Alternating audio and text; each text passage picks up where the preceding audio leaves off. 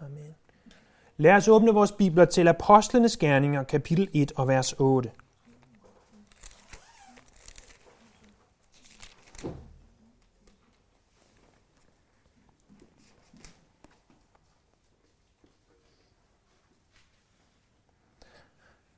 Her siger Jesus, at I skal få kraft, når Helligånden kommer over jer, og I skal være mine vidner, både i Jerusalem og i hele Judæa og i Samaria og lige til jordens ende. I dag er pinse, og i dag tager vi en afstikker fra vores normale gennemgang af 1. Samuel og 2. Samuels bog for at se på, hvad det var, der skete i pinsen, og hvor stor betydning det kan have for os i dag. Jesus sagde, at I skal få kraft, når Helligånden kommer over jer, og I skal være mine vidner. Det er ikke, at I skal måske få kraft. Det er ikke, at I skal måske være mine vidner. Nej, det er, at et, I skal være det her. Prøv en gang at slå tilbage til Lukas kapitel 22, vers 54. Og der vil blive mere oplæsning i dag, end vi normalt er vant til. Men prøv at se i Lukas kapitel 22, vers 54. For mig der er det her så fascinerende, at vi tager en mand som Peter. Peter, som er den her mand. Prøv at lytte fra Lukas kapitel 22 og vers 54. De anholdt ham for at føre ham bort hen til ypperste præstens hus. Men Peter fulgte efter på afstand. Så Jesus er anholdt. Peter følger efter. Midt i gården havde de tændt et bål og slået sig ned om det. Og Peter satte sig blandt dem. Så Peter ønsker at være tæt på Jesus, men han sætter sig blandt de, der ikke tilhører Jesus. Og så står der en tjenestepige, så ham sidde ved ilden og kiggede nøje på ham og sagde, ham der, var sammen med ham. Men han nægtede det og sagde, jeg kender ham ikke, kvinde. Lidt efter var der en anden, som så ham og sagde, du er også en af dem. Men Peter svarede, vel er jeg ej, menneske. En times tid senere var der en til, der forsikrede, jo sandelig, han var også sammen med ham. Han er jo også fra Galilea, men Peter sagde, menneske, jeg ved ikke, hvad du taler om. I det samme han sagde det, galede hanen. Herren vendte sig om og så på Peter, og Peter huskede det ord, Herren havde sagt til ham, før hanen galer i nat, vil du fornægte mig tre gange. Og han gik udenfor og græd bitterligt. Det var Peter. Det var Peter før pinse. Så prøver Find Apostlenes Gerninger kapitel 2.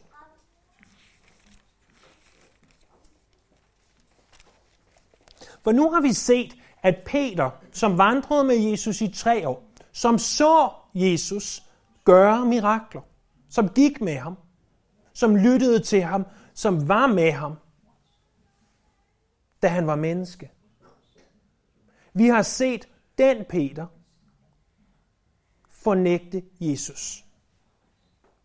Mange af os, vi bilder os selv ind, at hvis vi blot kunne se Jesus fysisk, hvis vi blot kunne se de mirakler, han gjorde, så vil alt være anderledes. Så vil vores liv brænde for ham. Så vil vi vidne for ham hver dag, hvert øjeblik. Hvis vi blot kunne få lov at give Jesus et stort kram, så ved vi, at vores åndsliv vil være brændende. Men for Peter var det ikke tilfældet. Peter havde været der. Peter havde været der, da Jesus gik på søen. Peter havde været der, da Jesus gav de 5.000 mænd og kvinder og børn mad. Jesus, Peter havde været der, da Jesus blev taget til fange i Gethsemane. Og nu var Peter der den aften, hvor Jesus er ved at blive dømt. Selvom jeg tror på, at Peters liv var forvandlet i en grad, så var det ikke komplet forvandlet alligevel. Men der står i Apostlenes Gerninger kapitel 2, vers 1, da pinsedagen kom, var de alle forsamlet. Pinse er ikke en specifik kristen højtid. Pinse var en jødisk højtid, ligesom at påsken var det. Påsken værende selvfølgelig der, hvor at Israel var i Ægypten, og at den øh, første fødte skulle dø, medmindre de havde smurt blod omkring dørstolperne, for så ville dødsenglen gå forbi deres dør. Pinsen var 50 dage senere, og det er navnet pinse, som betyder øh, på øh, græsk, eller kommer af det græske, 50. Det var 50 dage senere. Pinsen skulle tale om loven, der kom for jøderne. Så jøderne var samlet, de fejrede deres højtid. Ligeledes var de kristne samlet, som jo var jøder. Og så står der i vers 2, og med et kom der fra himlen en lyd, som er et kraftigt vindstød, og den fyldte hele huset, hvor de sad. Og tunger, som af ild viste sig for dem, fordelte sig og satte sig på hver enkelt af dem. Der blev de alle fyldt af Helligånden og begyndte at tale på andre tungemål, alt efter hvad ånden indgav dem at sige.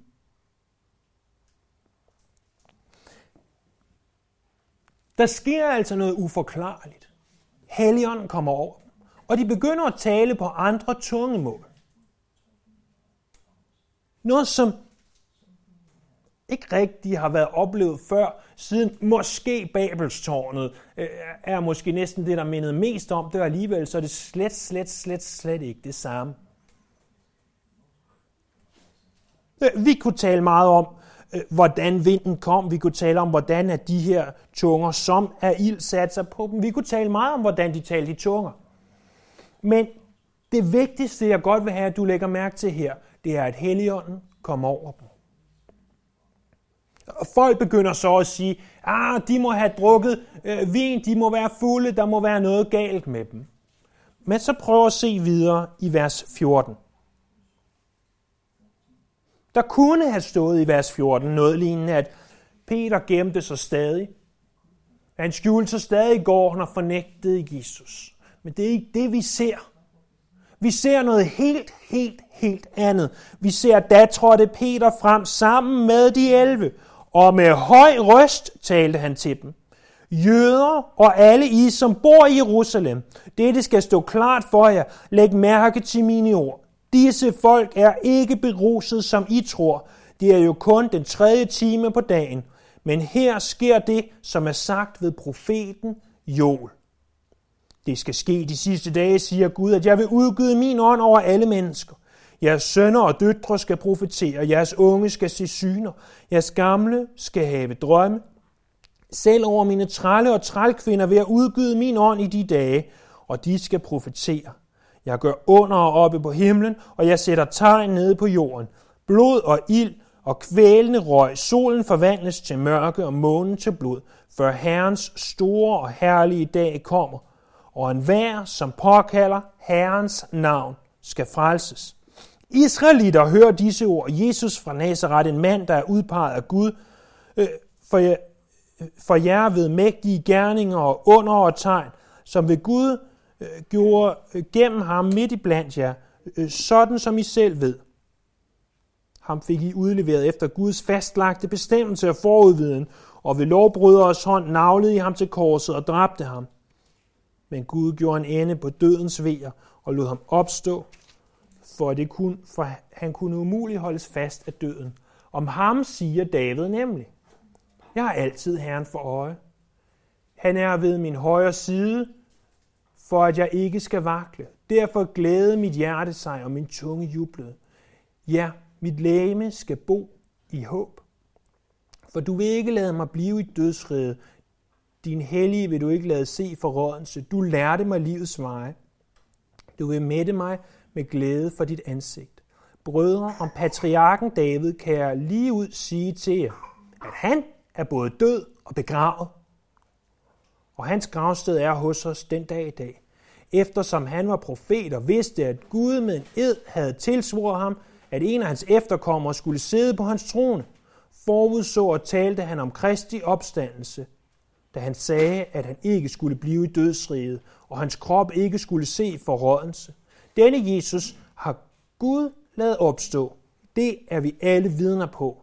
Han er ophøjet til Guds højre hånd og har fra faderen fået Helligånden som lovet, og den har han nu udgydt. Det er det, I både ser og hører. For David se ikke op til himlene, men siger selv, Herren siger til min herre, sæt dig ved min højre hånd, indtil jeg får lagt dine fjender som en skammel for dine fødder. Så skal der hele Israel vide for vist, at den Jesus, som I har korsfæstet, har Gud gjort både til Herre og til Kristus. Prøv at lægge mærke til, hvad Peter siger. Han siger, venner, jøder, der var en mand, der hed Jesus. Han gik blandt jer. Han gjorde mægtige gerninger. Den mand sørgede I for at få korsfæstet. Det var jer, der råbte, korsfæst ham. Det var jer, der sørgede for, at han blev hængt på det kors. Men Gud, han oprejste ham fra de døde. Døden kunne ikke holde ham.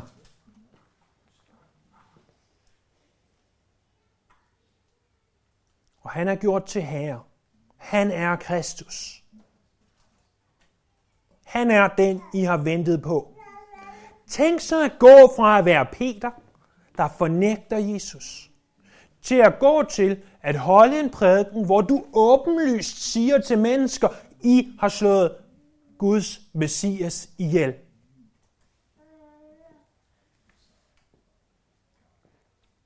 Som resultatet af det her, bliver op imod 3.000 mennesker omvendt. Og der sker en vækkelse Jerusalem. Og se videre så i kapitel 3. Peter og Johannes gik op til templet ved bedetimen den 9. time. Der kom man bærende med en mand, som havde været langt fra moders liv. Ham satte man hver dag ved den tempelport, der kaldes Den Skønne, for at han kunne bede om en almisse af dem, der gik ind på tempelpladsen.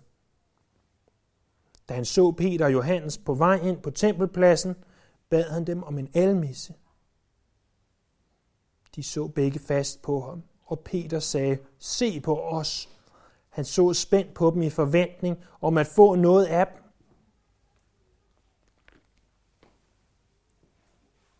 Lad os lige stoppe der et øjeblik.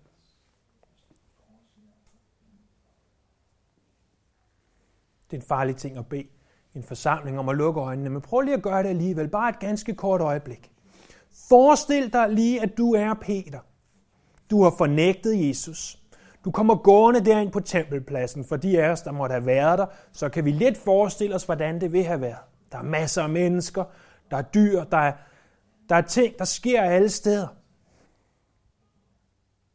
Og pludselig ser du, at de kommer gående med en mand, der er lam. Du ved, hvordan Jesus han helbredte mennesker. Og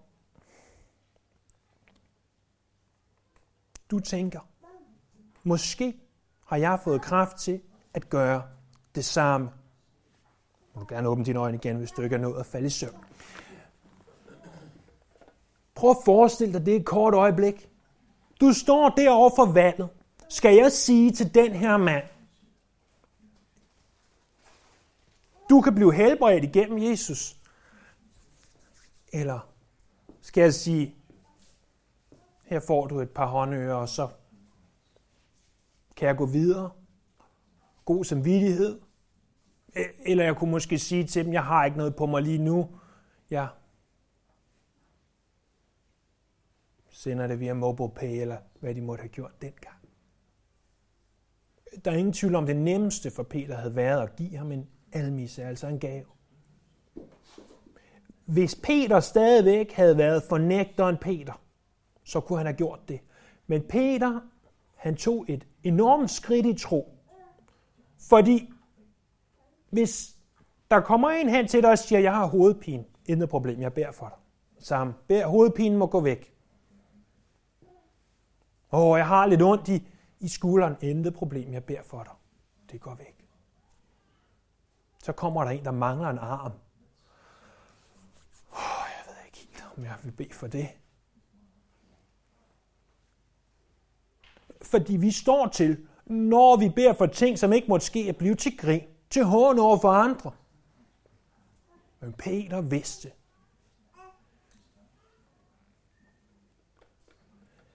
der var sket noget i ham, der gjorde en forskel. Så Peter han siger de klassiske ord fra vers 6. Peter sagde, sølv eller guld, det har jeg ikke. Men jeg giver dig, hvad jeg har. I Jesu Kristi Nazareans navn, stå op og gå.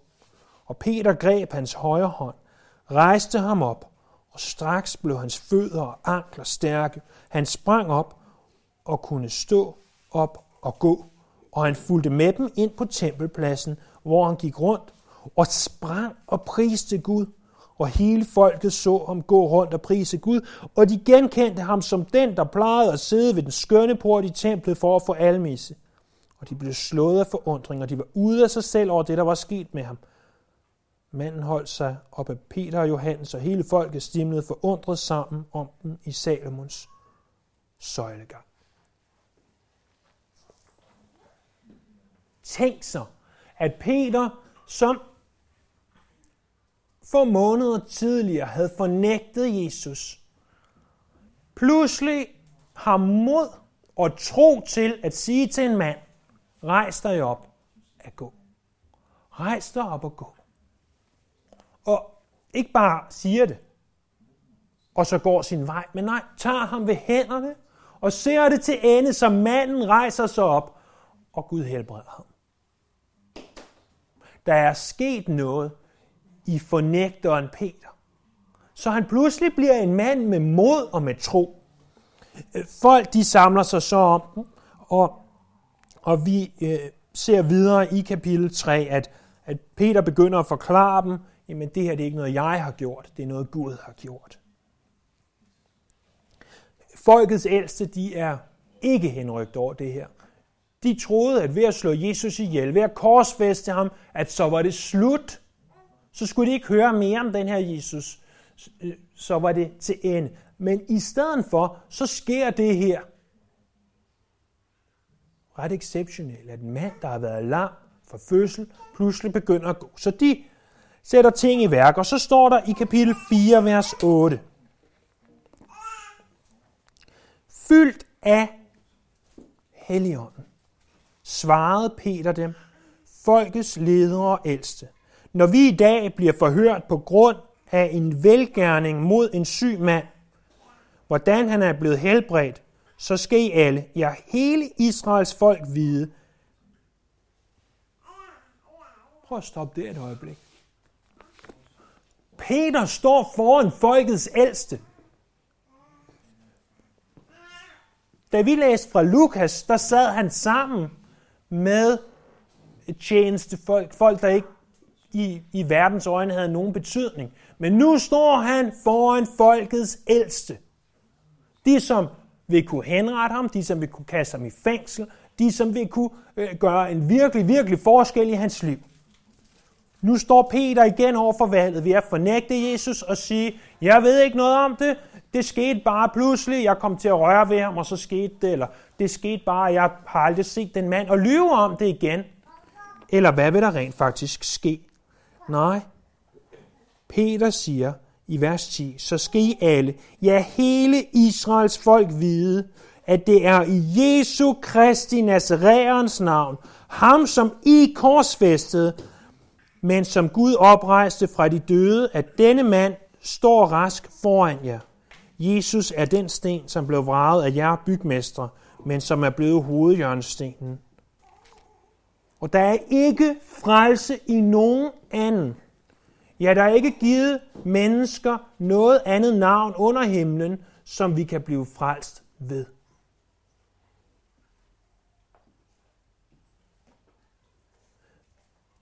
Men da, så, men da de så Peter og Johannes' frimodighed og blev klar over, at de var jævne og ulærte mænd, undrede de sig. De vidste, at de havde været sammen med Jesus.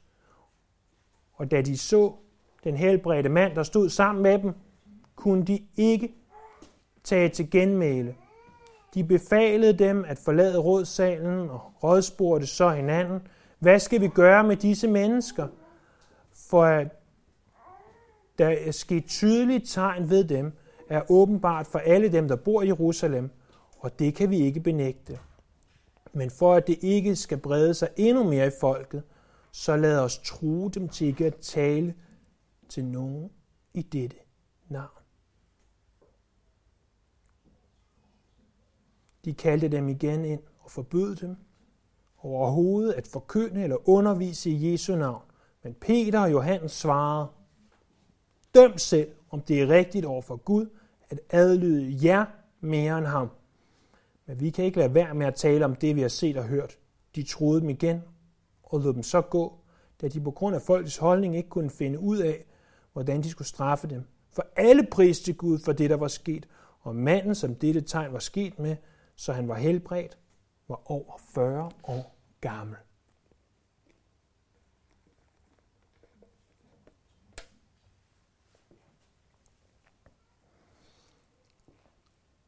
Folkets ældste. Jeg er ikke sikker på, at vi anno 2016 forstår, hvilken magt de havde. Os, der lever i et demokratisk samfund. Men folkets ældste, tror jeg, kunne have manipuleret romerne til at slå den her og de her mænd ihjel. Det var det, vi så med Jesus. De manipulerede romerne til at sørge for, at Jesus blev henrettet. Og alligevel så stiller Peter sig op, og Johannes. Og, og de forklarer, jamen det er jer, der har gjort det her imod Jesus. Jesus prøver at se det i vers 12, om hvem der ikke er frelse i nogen anden. Der er ikke frelse altså nogen andre steder. Der er ikke givet mennesker noget andet navn under himlen, som vi kan blive frelst ved. At Jesus, han er den eneste vej. Jeres ritualer, jeres måder at gøre tingene på, det er ikke måden. Jesus er vejen. Og så ser de på Peter og Johannes, og de finder ud af, jamen, de er bare fiskere fra Galilea, og alligevel så ved de alt det her. Så siger de alt det her. De må have været sammen med Jesus. I øvrigt som en sidenote. Findes der noget bedre vidnesbyrd om os, når mennesker siger, og måtte sige om os, ham der, hende der, må have været sammen med Jesus. Jesus har smittet af på deres liv.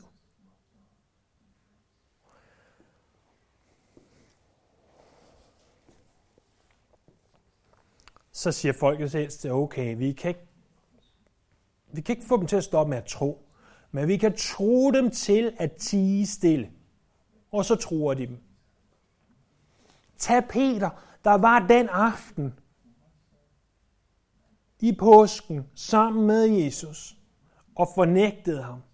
Tag den Peter, som fornægtede Jesus, da, de blev spurgt, da han blev spurgt, om han overhovedet kendte Jesus. Tag den Peter, og så sammenlign ham med den Peter, der står foran folkets ældste nu.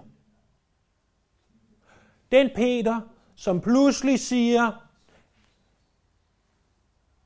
hvis vi oversatte det til moderne dansk, jeg er fløjtende ligeglad med, hvad I siger.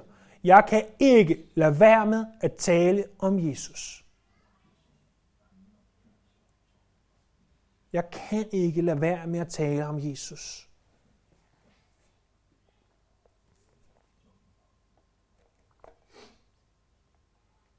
De kører frem og tilbage, og så ser vi så videre i kapitel 5, vers 17.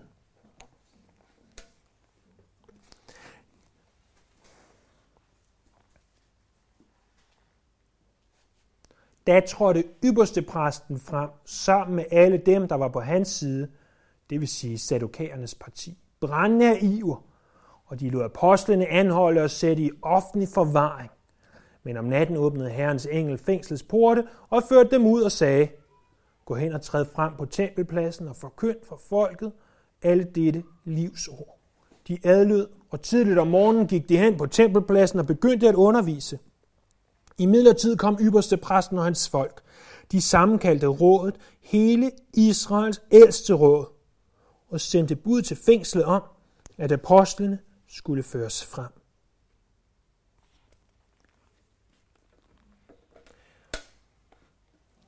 Så apostlene har været fængslet. Gud åbner fængslets porte, lader dem gå ud, de er væk, de er over på tempelpladsen og prædike. Folkets ældste. Det var sådan i Israel, at man havde et ældste råd. Øh, vi kalder det og kender det måske som synedriet, som bestod af 70 ældste. Og der står, at de alle blev samlet. Så man sender bud ud til de her 70 mennesker. Vi skal samles. De samles, og de sidder og venter der på, nu, nu må vi gøre en ende på ham her, Jesus af Nazareth og hans parti. Vi må slå det ihjel, vi må mande det til jorden. Øh, kan I lige hente dem der frem fra fængslet? Og forestil dig igen, at, at du var med i det der ældste råd.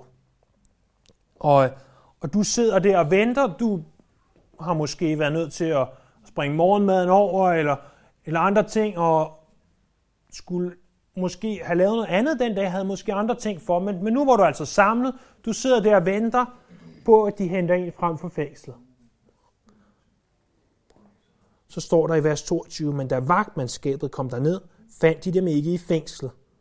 Så de vendte tilbage og meldte. Jeg gad ikke have været vagtmandskabet den dag. Kom til fængslet og finde fængslet tomt. De meldte, vi fandt fængslet forsvarligt aflåset, og vagterne på post ved portene. Men da vi fik lukket op, fandt vi ingen derinde. Da anføreren for tempelvagten og ypperste præsterne hørte det, kom de i vildrede om sagen og om, hvad man det måske kunne føre til. Men så kom der en og meldte, de mænd, som I satte i fængsel, de står på tempelpladsen og underviser folket. Så gik anføreren sammen med vagtmandskabet hen og hentede dem, dog uden at bruge magt, for de frygtede, at folket skulle møde dem med stenkast. Da de havde hentet dem, fremstillede de dem i rådet, og ypperste præsten tog dem i forhør og sagde, vi har udtrykkeligt forbudt jer at undervise i dette navn, og alligevel har I fyldt Jerusalem med jeres lære ved at bringe denne mands blod over os. Peter og apostlen svarede, Uh, vi er så bange. Vi tør ikke snakke med jer. Vi løber vores vej og gemmer os og fornægter alt, hvad vi tror på. Det havde Peter sagt før pinsedagen, men nej. De svarede i stedet i vers 29, man bør adlyde Gud mere end mennesker. Hvor fædres Gud har oprejst Jesus, som I dræbte ved at hænge ham på et træ. Ham har Gud ophøjet til fyrste og til frelser ved sin højre hånd, for at give Israel omvendelse og syndsforladelse, og vi er vidner om dette, vi og Helligånden, som Gud har givet dem, der adlyder ham.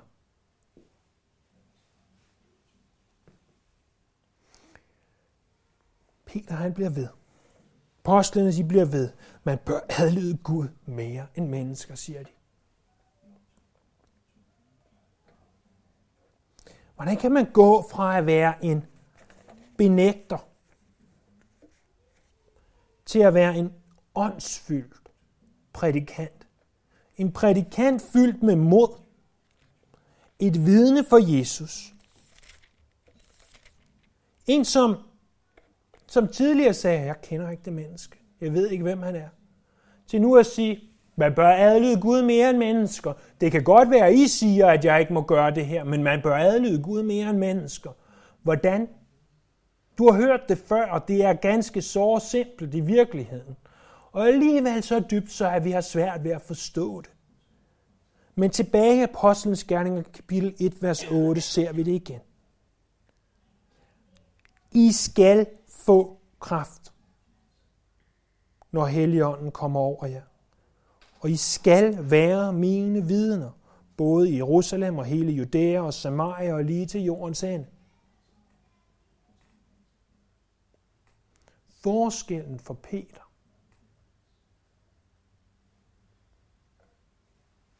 den lå i, at han nu var fyldt med Helligånden.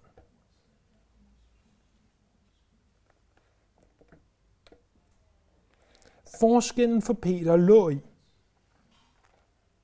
at Gud, Helligånd, havde taget bolig i ham. Det var sådan, Peter gik fra at være en, der fornægtede Jesus, til en, der forkyndte Jesus. Det var sådan, Peter gik fra at være en, der flygtede, til at være en, der fremstod.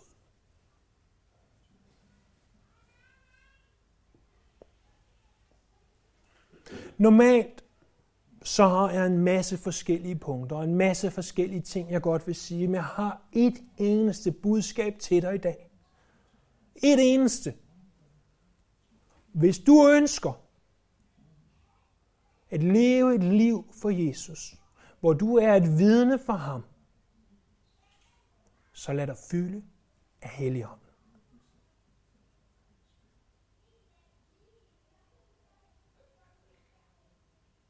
Hvis du ønsker at være et vidne for Jesus, så lad dig fylde af Helligånden.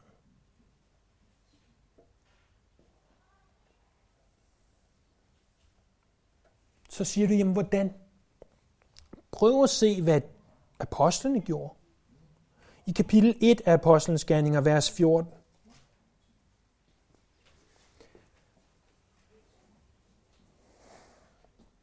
De holdt alle i enighed fast ved bønden, sammen med kvinderne og Jesu mor Maria og hans brødre. De bad. De ventede på, at Jesus ville gøre det, som han havde sagt. Jesus havde også sagt noget andet om det her, tilbage i Lukas kapitel 11 og vers 11.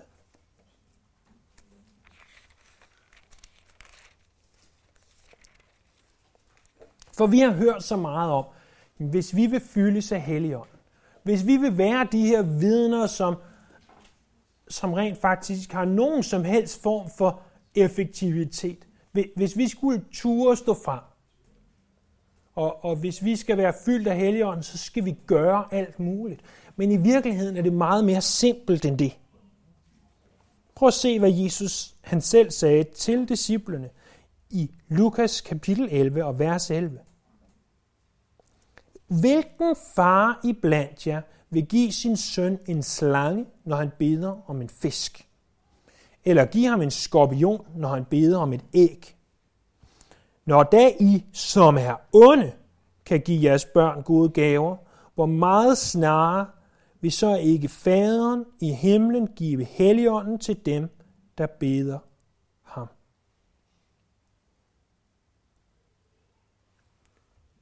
Så simpelt er det. Hvis du er kommet her i dag, og du føler, at du er som fornægteren Peter, men du ønsker at være som forkynderen Peter,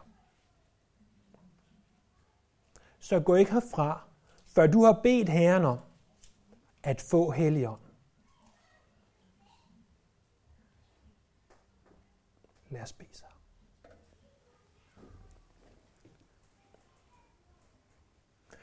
Jesus, der er dage, hvor jeg stadigvæk føler mig som fornægteren Peter. Og så er det måske en af de dage, hvor jeg har behov for et frisk pust af din Og jeg beder. Jeg beder i ydmyghed her, om at du på ny vil fylde os du kontinuerligt vil fylde os. Vi ved, at i det vi bliver født på ny, så tager din hånd bolig i os. Og alligevel så tror vi på, at vi kan, vi kan opleve mere af din hånd. At vi kan vente, og så skal vi få kraft, og så skal vi være vidner. Og vi beder om, Herre, at det må ske. At den forskel, som vi så i Peters liv, at vi må se den i vores liv. Og jeg beder for de, som er til stede her i dag, at du må gøre den forskel.